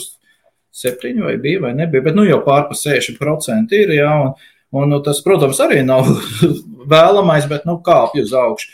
Uh, nu, uh, varētu būt, ka pēc jaunā gada tomēr mums atkal ir vajadzēs būs striktāk ierobežojumi. Varētu būt. Mm -hmm. Un tad, tad, tad, tad visticamāk, ka cilvēki būs arī iztrakojušies un nomierinājušies, un ka tie tad varētu nostrādāt, un tā vakcinācija būtu vēl labāka, un tad mēs varētu tā kā pēc jaunā gada iziet no, no tā viļņa, un varbūt tad arī stabilizētos. Un tad, un tad varētu arī būt pienākt tas laimīgais variants, vai ne, nu, pamazām līdz pavasarim. Pavasarī jau uz vasaru sāks arī sezonalitāte mums palīdzēt, ja ka paliks labāk, un tad būs tas laimīgais brīdis, kad uh, kad lielākā daļa cilvēku būs vai nu, nu gan arī visi praktiski būs vai nu pārslimojuši vai vakcinējušies, un nu, diez vai tur kāds, kāds baigi izglābsies. Un tad, kad visi būs pārslimojuši vai vakcinējušies, nu, tad tas vīrus jau cirkulēs, bet viņš cirkulēs nu, līdzīgi kā starp diviem vakcinētiem. Visticamāk, ka viņš baigās nāves vairs neizraisīs, noslodzi neizraisīs, būs, būs tāda, nu, tā kā varbūt pasmaga, bet vien, tomēr tāda salīdzinoši vienkārša slimība. Nu, līdzīgi kā divi vakcinētie var viens otram nodot, un tad viņš slimo, un viņš var, viņam var būt augsta temperatūra, bet visticamāk, viņš uz slimnīcu nebrauc, un ja vien viņam nav nekādas blakus parādības baigās, nu, tad arī vakcinēties varbūt pat nākotnē nevajadzēs. Es tiem, tos cilvēkus arī mierinu, ka tur man baigi bļaustās, ka, o, tagad katru pusgadu vajadzēs potēties. Nu, pirmkārt, jau man liekas, ka nekas traks, ja arī vajadzētu pusgadu, bet nu, visdrīzāk nē, nu, būs sasniegta pūļa imunitāte. Tad tas vīrus cirkulējot, viņš jau pats tā kā nu, tā, tā pārslimošanas epizode salīdzinoši veseliem cilvēkiem būs kā kārtējais boosters. Riska grupām, jā, riska grupām iespējams, ka vajadzēs reizes gadā vakcinēties. Riska grupas, kroniskās slimības, veci cilvēki, mediķi. Nu, es tādu redzu nākotnē. Tas, ko es pamanīju, ka Pfizer esot, nu, tās, tas bija ziņās, Pfizer esot arī ticis pie medikamentiem, kas, kam esot kaut kāda 85% efektivitāte, mm -hmm. esot notestēti. Tā kā varbūt tas vēl nāk klāt, tad, tad, tad, tad teiksim, tas tad jā, varētu būt. Nu, medikaments jau slimajiem būs. Un, un, un, un jā, es, jā, protams. Es, es vēl neesmu izpētījis visu to, to medikamentu, kāds ir blakus parādības, bet es esmu pat tagad es pat būtu gatavs sadarēt uz lielu naudu, ka tas uh, medikamentu blakus parādības spektrs un varbūtība, ka tu tiešām dabūsi, ka blakus parādība ir nesalīdzināmāk augstāka nekā esošajām vakcīnām. Tikai nu, cilvēki kaut kā to tabletu rīt, viņi ir psiholoģiski gatavi, bet nu, vakcīna jā, jā, jā, jā. līdz nāk. Bet, tas ir bet, uh, bet kā, tu pats, kā tu pats skaidro? Nu, tu, tu taču mēs zinām to, ka tās vakcīnas parasti top ilgākā laika periodā, bet šeit bija kaut kas tāds pēkšņi notika, ka visi ļoti sasparojās un ļoti ātri uzradīja uh, vakcīnu. Kā, kā tu pats to kā skaidro? To kā ātri radīja? Nu, jā, jā nu, tas burtiski kaut kā vairāk. Nu, mēs bijām tur plānojuši un domājuši, ka nu, vakcīna nu, tas ir kaut kāds divu, trīs gadu variants. Beigās nepagāja ne gads, kad vakcīna jau bija faktiski pieejama. Mm. Nē, nu viņa, man liekas, vispār uztverta dažās nedēļās, jā, bet eh, tas jau bija pēc ebola, ka bija, bija, bija jau, jau tika radīts uh, teiksim, SARS jau, principā, uz SARS vīrusu jau bija jau, jā, jā, jā. bija tehnoloģija, te, tehnoloģija bija, tāpat zinātnieki braukāja un, un modulēja to, kāds vīrus varētu būt nākamais. Tas, ka pandēmijas ir vienmēr bijušas un būs, nav šaubas, jā, nav, nevajag tur domāt, ka kāds tur laboratorijā kultivēja, un pat ja viņš arī pasprūk no, no laboratorijas, tad tam nav milzīga nozīme. Pandēmijas ir, bija un būs. Jā, tāpat uh, holēras epidēmija vidzemē bijusi Jālgavā, Krišjāna barona liecības. Ir, nu, kā, nu, tas, nu, tas ir skaidrs, ka viņas ir, bija, būs, tāpēc zinātnieki pie tā strādā un pēta. Un, vispār jau šis, uh, godīgi sakot, tas SARS uh, divi, kas mums tas Covid, viņš jau nav tas trakākais. Tas, ka viņam tā mirstība ir kaut kāda starp 1 un 2%, nu labi, citās valstīs augstāk, mums laikam kaut 1,8 vai 1,6 tagad jāpaskatās, jā, bet, nu, tas, tas ir kā, nu, salīdzinot ar gripu, tas ir daudz, desmit reizes vairāk kā gripai, bet, nu, salīdzinot ar visādiem kādiem eboliem un tā tālāk, viņi it kā nav lieli, tas, no vienas puses tas ir labi, jā, nu, daudz pārslimo viegli, daudziem nekas nav, bet, nu, tai pašā laikā tas ir pietiekami daudz, lai tomēr daudz nomirtu un smagi slimot un pārslogot sistēmu. Un tāpēc es šito vispār šito pandēmiju, domāju, ka no vienas puses viņa, tas, tā ir laba skola, laba skola visiem politiķiem, sistēmai, jo, ja nāktu kaut kāds vīrus, kurš būtu tikpat lipīgs kā šis Covid, bet ar mirstību, teiksim, nevis 1-2%, bet 20-30%, nu tad mums tā skola ļoti noderētu, ko mēs būsim iemācījušies. Tā kā mhm. Tā, tā kā varēja, varēja būt daudz, daudz, daudz sliktāk. Tas, ka būs koronavīrus, to zinātnieki zināja. Viņi jau braukāja tur pa džungļiem, noķer tīģeri, ievāž viņam puķīti, dagonā pēc ar testu. Jā, tad mērkaķi noķer, to arī notestēja, tad analizēja, taisa matemātikas aprēķins, ka būs koronavīrus, to, to, to, tas bija skaidrs. Un ne jau tāpēc, ka Bills Gates to pateica, bet nu, tas bija izpētīts. Un tāpēc tā vakcīna mētiecīgi tika strādāta un balstoties, kā jau jūs teicāt, uz iepriekšējiem SARS vīrusiem. Platforma bija gatava, vajadzēja tikai ģenētisko kodu saprast, ko, ko likt iekšā tajā matriks RNSā. Ja?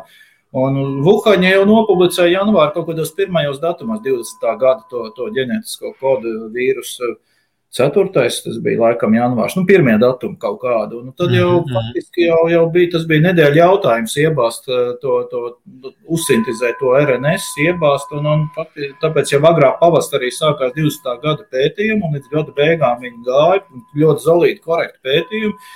Tā kā sveiciens tiem, kas saka, ka nav izpētīti, un, un, un faktiski gada beigās reģistrēja. Un pirmais, 1. decembra nedēļa Lielbritānija bija pirmā valsts, kas sāka Vismaz, nezinu, cīniešu, kad armija, armijai tur dzīvās vakcīnas spricēt, sāk varbūt vēl ātrāk, bet, bet nu, tāda reāli, tāda oficiāli bija 1.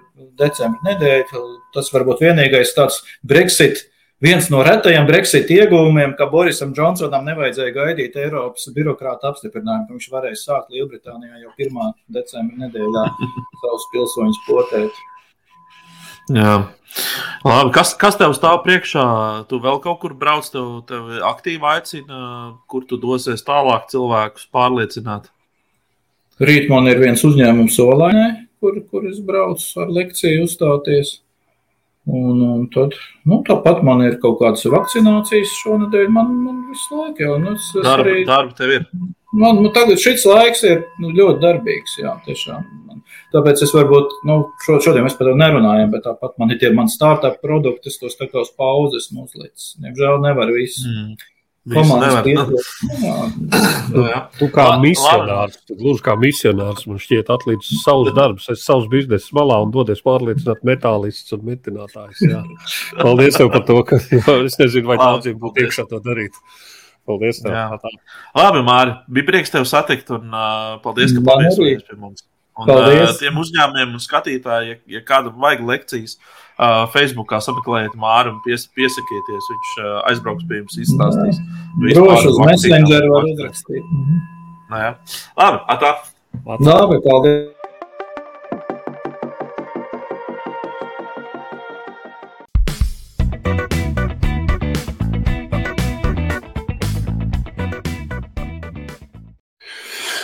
Nu, Twitteris kā vienmēr par visu aktuālo. Tas kā šonadēļ, man liekas, lielākais brīdis bija, ka uh, iesaulnieks katru reizi saplēsās ar stāķi, tas, kurš uh, Rīgas vērs. Un, bet, zin, kā, es tam saku, tam sekoju līdzi, bet kaut kādā brīdī man apnika, jo es sapratu, ka nav vērts to, to, to, to visu tagad ielikt, katrs var pasakot līdzi. Uh, iesaulnieks, nu, zini, tas ir tāds pats full retāli idiots kā goms, tikai ar svastiku sirdī, tā kā, nu, viņš vienmēr atradīs kaut kur. Es domāju, jo mazāk viņam dod kaut kādu platformu izpausties, jo, jo labāk. Jo nu, izpaudās par visu, ko mēs pirms tam runājām, par tiem uh, noformējumiem, apsveikumu. Jā, jā, jā, un vispār jau tā kā nu, tur, tur, tur, tur full retāda režīmā. Labi, mēs par svarīgāko. Uh, dienu pirms, dienu pirms Latvijas dienas prezidents mūs laicīgi apsveica Latvijas dienā. Tur redzēja, dienu pirms. Redzēju. Es domāju, bet viņš ir laicīgi. Nav ko tur rakstīt. Jā, man patīk, ka noreaģēja cilvēku un prasīja, piemēram, oh, ar, nu, nevis prasīja, bet teica, oh, ar nepacietību gaida 17. novembrī, jā, valsts svētkus, un, un, un, un, un, un, un uh, 30. decembra vecgadu vakaru un tā tālāk. Nu, tā kā, ja jau visu dienu ātrāk, tad dienu ātrāk. Labi. Gan jau kaut kāds jēga tur bija visam tam. Ok, par svarīgāko pasēdam saka, galvenais, lai zemnieki saņem kompensācijas par to Rīgas apsveikumu. Tā kā Parūpēsimies par to. Rekomendāts pieminētais dzeltenais eh, klucis. Ir, eh, pa, Twitter lietotāji bija pamanījuši, ka uz vienu brīdi šis bija kaut kur aizpeldējis zem uh, dienvidu tilta. Nu, ja tas ir korupcijas aizsparks, tad uh, Twitter lietotāji sāk spriest, ka forši tagad tas uh, dzeltenais korupcijas klucis apmeklēs visas vietas, uh, kas būtu ar viņu saistīts. Un, lūk, kāpēc te viņš šādi viņš aizbrauc ciemos pie Aivara vai ne, aizbrauc paciemojās. Kaut kur viņš parēgojās Nīlam fonā, tur tā paskaties, ka tur lejā tur ir, ja tur nezinu, jā, jā. viņš kautrīgs uz klucis. Šur tur viņš ir redzēts aineram, sēžam uz pleca. Nu, tā kā, jā, tā kā klucis ir devies savā turnējā. Labi, laižam tālāk. Atjaunotā okupācijas muzeja piebūves sienā mitrā laikā vietām kļūst slapi. Ja? Atkal tas, par ko visi, visi, visi, visi iesmēja. Un, lūk, Edgaram Ragīnskim ir, ir, ir, ir, ir kas sakām stāsta, ka dzeltenums būvzaraugu bikšu priekšā un brīnums valsts nekustamo īpašumu bikšu aizmugurē, brūnums pēc šīs skaistuma ieraudzīšanas arī esot efekts, nevis defekts. Tā kā uh, Jā, nu, kā jau teicu, ja rokas aug no pakaļ, vienmēr var pateikt, ka tā tas ir bijis domāts.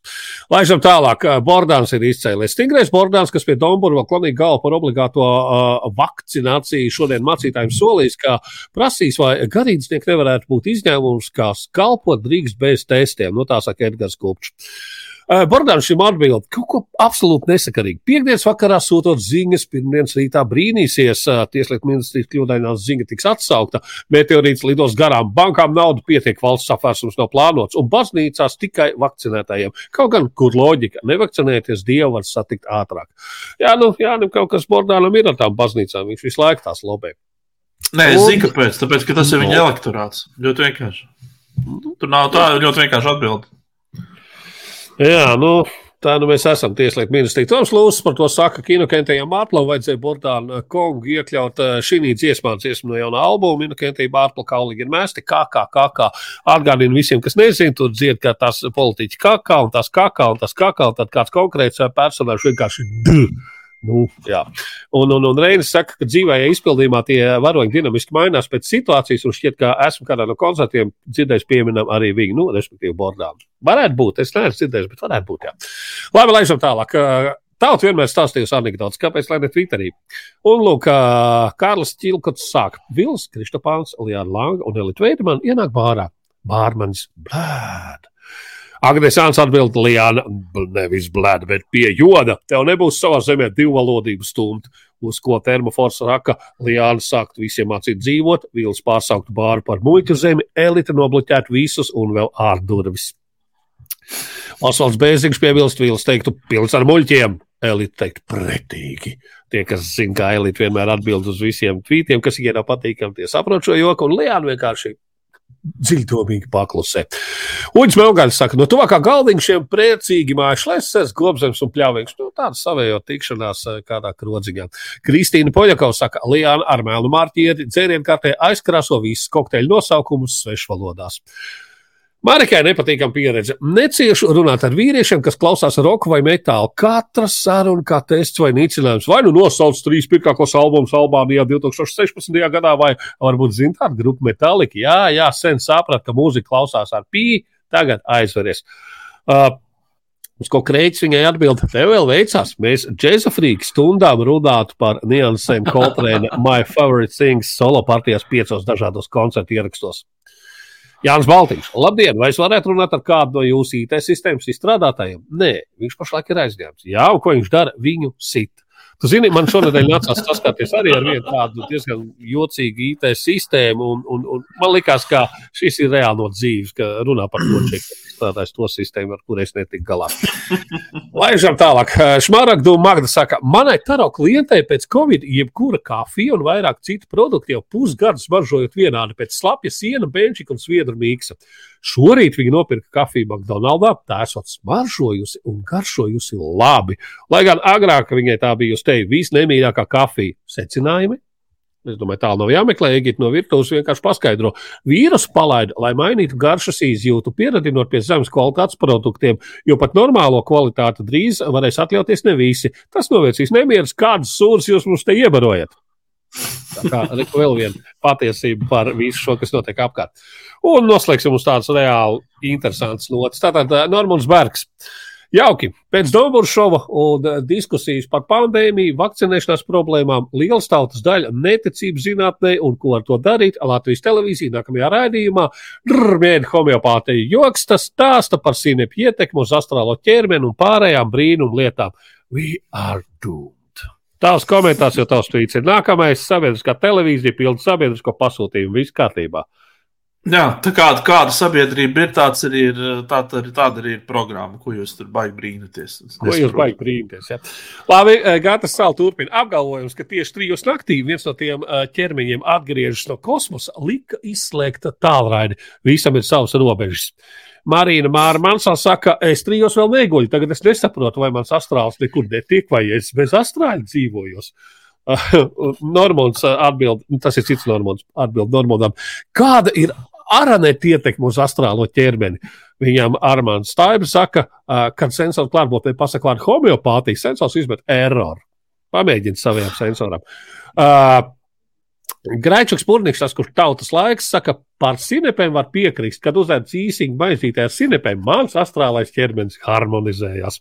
Daivā no laukiem saka, eh, mans astrālais ķermenis tikko sapriecājās par brokastīs apēstiem cīsiņiem ar sinepēm, protams. Es jau zināju, ka tās sinepes ir štēle. Tā kā tā.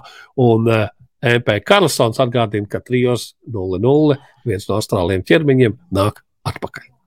Tās krīt arī mans, mans astrālais ķermenis atkal ievēroja, nu pat, ka mans uh, uh, gaisa mitruma un šis CO2 ppm rādītājs rāda 1704, ka tas nozīmē, ka ir pienācis laiks pavēdināt telpas. Un uh, pavēdināsim telpas ar uh, to, ko mēs šodien esam klausījušies, uh, skatījušies un arī lasījuši.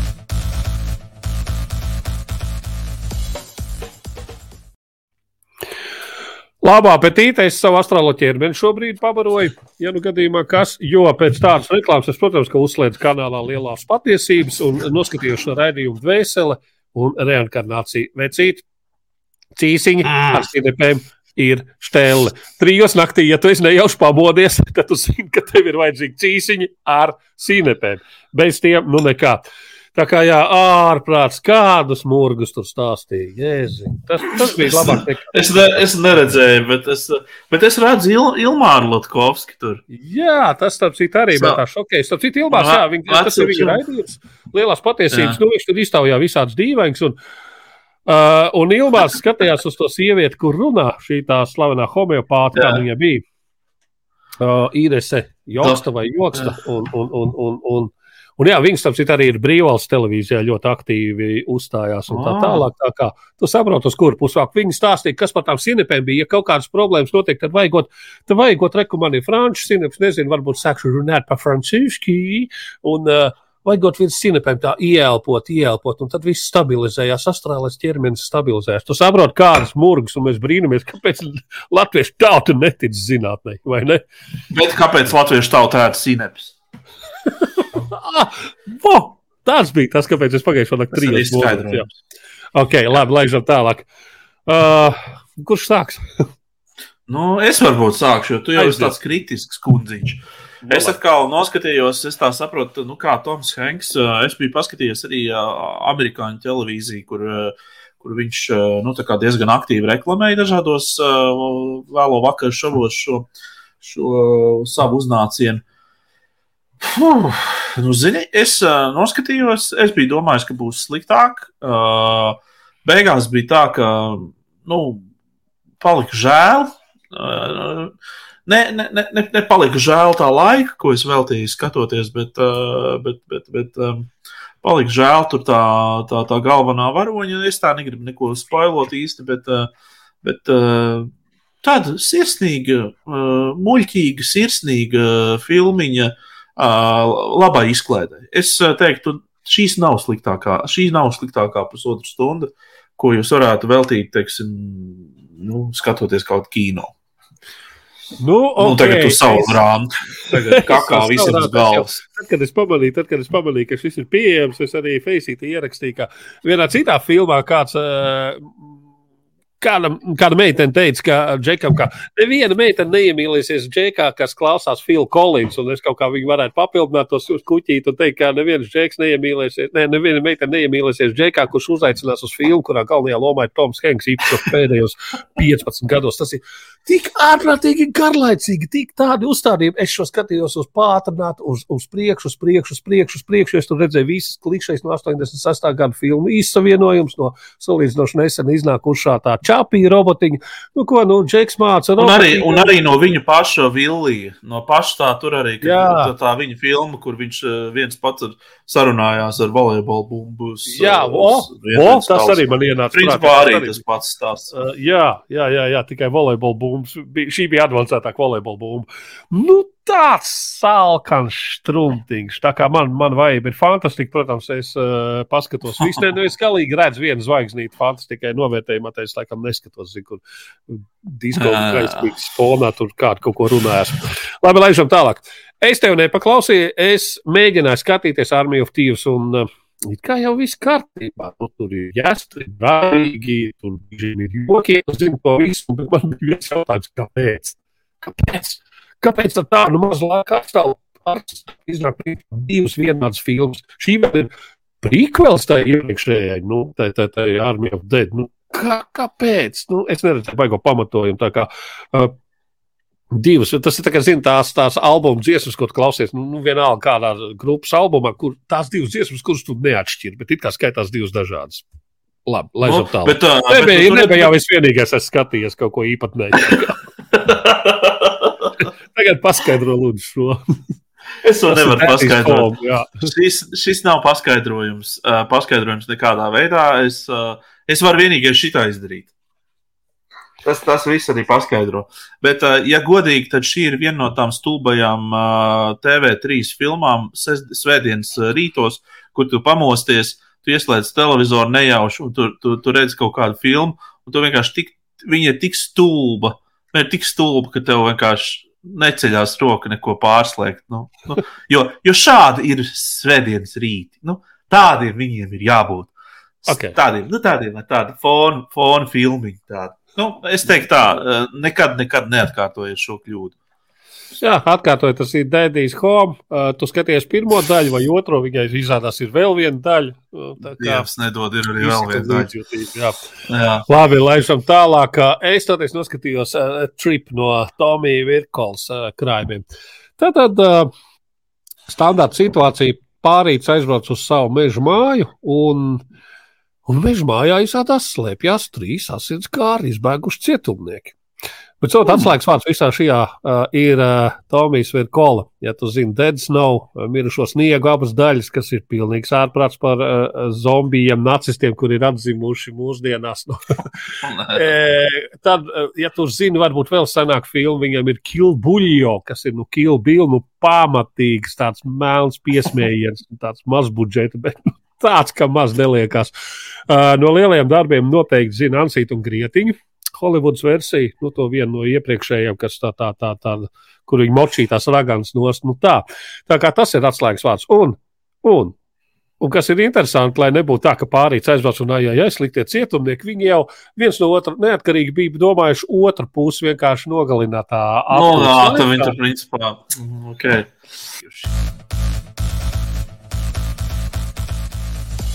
Klausām vielu. Par klausīšanos. Ziniet, kā es, es šodien Latvijas hip hopā esmu iegājis, es klausījos Bušu jauno albumu Putnī. Tāpēc, tāpēc tev tāds stils ir. Es tā skatos Nē, to visu. nē, nē, tas, un tā. nē, nē, tas, tas, tas ir cits stāsts, to mēs eh, modes ziņās pastāstīsim kādreiz. Uh, Bušs tātad uh, Bušs ir sarakstījis jaunu albumu, beidzot izdevusi ilgi esot strādājis un tā tālāk un tā tālāk. Uh, Ko es varu pateikt? Pozitīvās lietas. Ļoti skaista apakša, ļoti forša saksofoniņa, basi, nu viss tur tāds perkusijas, ļoti tāda džezīga apakša. Tikko džeki, eh, tikko džeki eh, taisa muti vaļā un sāk skaitīt savus uh, hip hop pantus, tad situācija mazliet mainās. Uh, ir tāda sajūta, mm, ka viņiem tādi pusauģi sagrozījušies liepā, jau tad rudens lietus līst, un viss šitais, un, un tāds, un tur vēl tie. Un, un vēl dažās vietās uh, kaut kas pieaicināt, kādu džeku mēģina dziedāt, veicīt. Es domāju, ka es nemāku dziedāt. Mm -hmm. Es kļūdījos. Nē, es... mēs, varētu, mēs varētu dziedāt. Un, zin kā, un tas kaut kā disonē, tas disonē tā džeka vārdā būšu uh, vecumu. Tas, ko es gribu pateikt, zini, kā atceries, kādreiz bija tāds, tas bērnu hip hop apvienība device. Jā, No Liepājas tur bija šis marats, kas ir tagad tajā jā, zinu, zinu. Jā, un tur tas otrs, tas, tas, tas Rasels, tas, tas, tas, tas saltais džeks. Nu, at kaut kas līdzīgs teiks tekstos, un tas galīgi neiet kopā ar to foršu apakšu. Tā, labi. Cit, tu jau vari Jā. skatīties, klau, klausījies. hip-hop. Jā, nu, es esmu, jā, es, uh, ja godīgi, es šo tā kā uzslēdzu uh, aizvakar, laikam, ejot gulēt, uzliku uz austiņām, vienkārši aizmigt. Un tad es tā kā pirmās trīs dziesmas noklausījos, tādas diezgan tādas, nu, interesantas. Tad es aizmigu, tad es pamodos, tad es sapratu, ka esmu kādā piektajā dziesmā. Tad es atkal iemīgu, tad es pamodos uz kaut kādu septīto.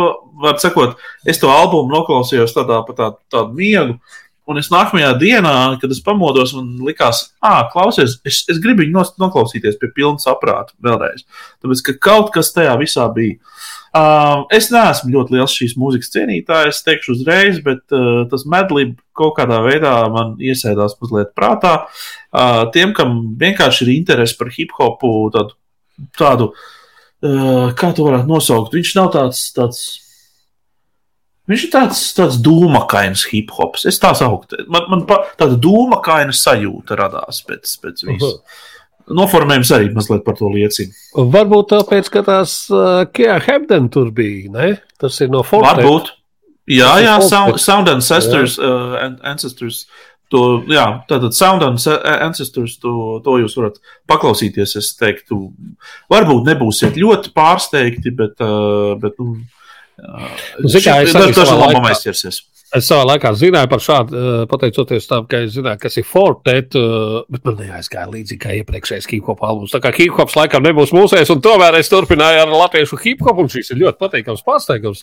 Ar izpildītāju būvu, ar albumu albums, un viņi ir ārā ar 26 minūtes, nu, ja tur izmet nevajadzīgos tā saucamos skitas, un tad tur kaut kāds 20 minūtes eh, paliek pure music. Un dusmīgi jauna meitene ar ļoti foršu apakšu, nu, jāsaka, attieksmē daudz krūtāk nekā iepriekšējais manas piesauktais būšu albums. Iesaku noklausīties, nu, tur uh, ir viena frāze, kas visu Twitter apeldoja 5 no rīta pa dzīvi. un, un, un, un tas izklausās reāli krūti īstenībā. Tas ir kaut kas tāds, nu, nav tā, ka viņi baigi nezināmā būtu, bet uh, beidzot tas albums ir. Es viņu nezināju. Es teikšu, kā ir. Es viņu nezināju.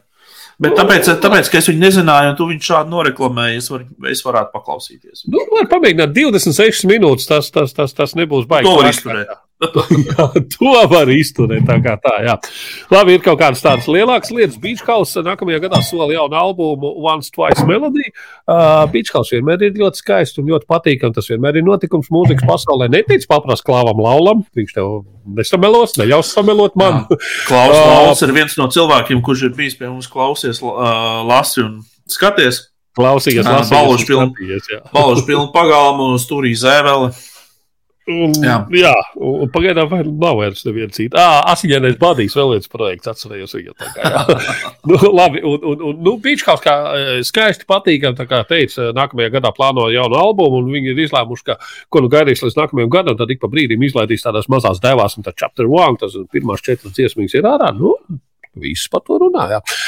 Nu, un tad Kjari Pami, Pami, Candy Dancer vecīt. Šī, šis ir J-pops, šis ir Japāņu popmūzika. Tas ir tāds, ka tev vienkārši smadzenes, nu, nu tas ir tā kā filmās, kā tu draboviku pieliec, un pff, tev aizmugurē vienkārši smadzenes izšķīst tādā, viss, kas aizmugurē ir. Šī tā tā Es gribu tādu sajūtu.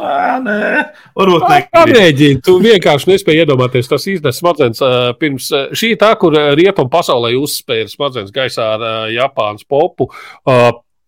Pirms apmēram desmit gadiem iespieda jebkurā meklētājā pon, pon, pon vienkārši. Un, ja tu man loģiski izskaidros, kas notiek šīs uh, jaunās uh, lēdijas klipā ar nosaukumu pon, pon, pon, Es tev līdz gada beigām ar viskiju pārlošu, kurā krogā. Kodvārds, ja tu man loģiski izskaidros, kas tur notiek, tas ir, tas ir, tas ir, šis ir tas gadījums, kad tu vienkārši domā, nu nē, nu nevar taču tā būt, nu nē, nu tūlīt taču nesekos kaut kas tāds un seko.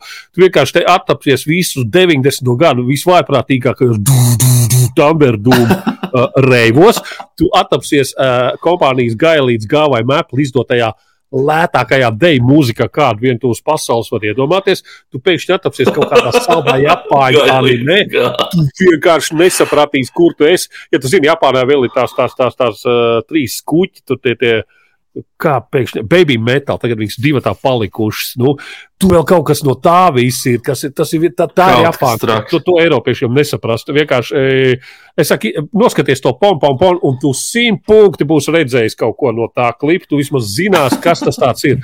Pom, pom, pom. Un tagad viņai ir jauns albums, uh, Candy Racer. Uh, es viņai sekoju sociālos tīklos, Instagram un, un, un, un, un, un vēl Faceitī. Nu, viņas oficiālajiem tādam kontam ir grūti paskaidrot, kas notiek vienkārši, ja tu neesi Japānā. Interesi ir tur, jā. bet, bet, bet tu, tu vienkārši, kad tu skatīsies, sapratīsi, ok, un šis ir kaut kā šis ir kaut kas. Cik nu tradicionāls var būt Japāņu pops, labi, ok, tad, tas tāpat ir tāds sviests, ka tur prāt vētrē tur kājām līdz Austrālijai kaut ko tik šīzīgi izdomāt.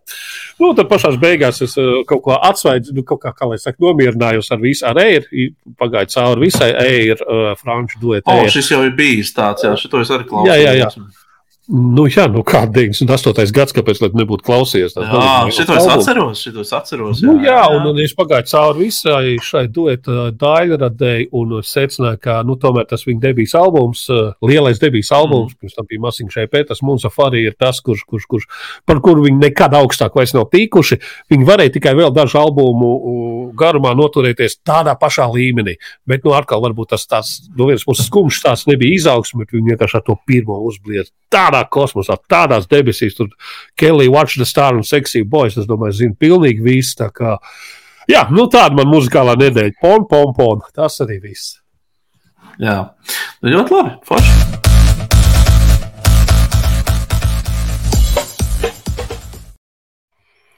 Nu, tad sojojam pretī vēl tumšākai gada nogalei, vēl, kā saka, šausmīgākam Nevar jau būt trakāk kā trijos, ka paliek pilnīgi tumšs un vispār īstenībā, kad tu pamodies, tad tu domā, ka jau ir, ka jau ir trīs pēc. Tad tev Austrālijas ķermenis to cīsīgi, to cīsīgi ar sienepēm prasa. Pasniedz tev, jā. jā. Tā kā tā. Yeah. Labi, yeah. neko. Glabājam svecīšu liesmu savās sirdīs.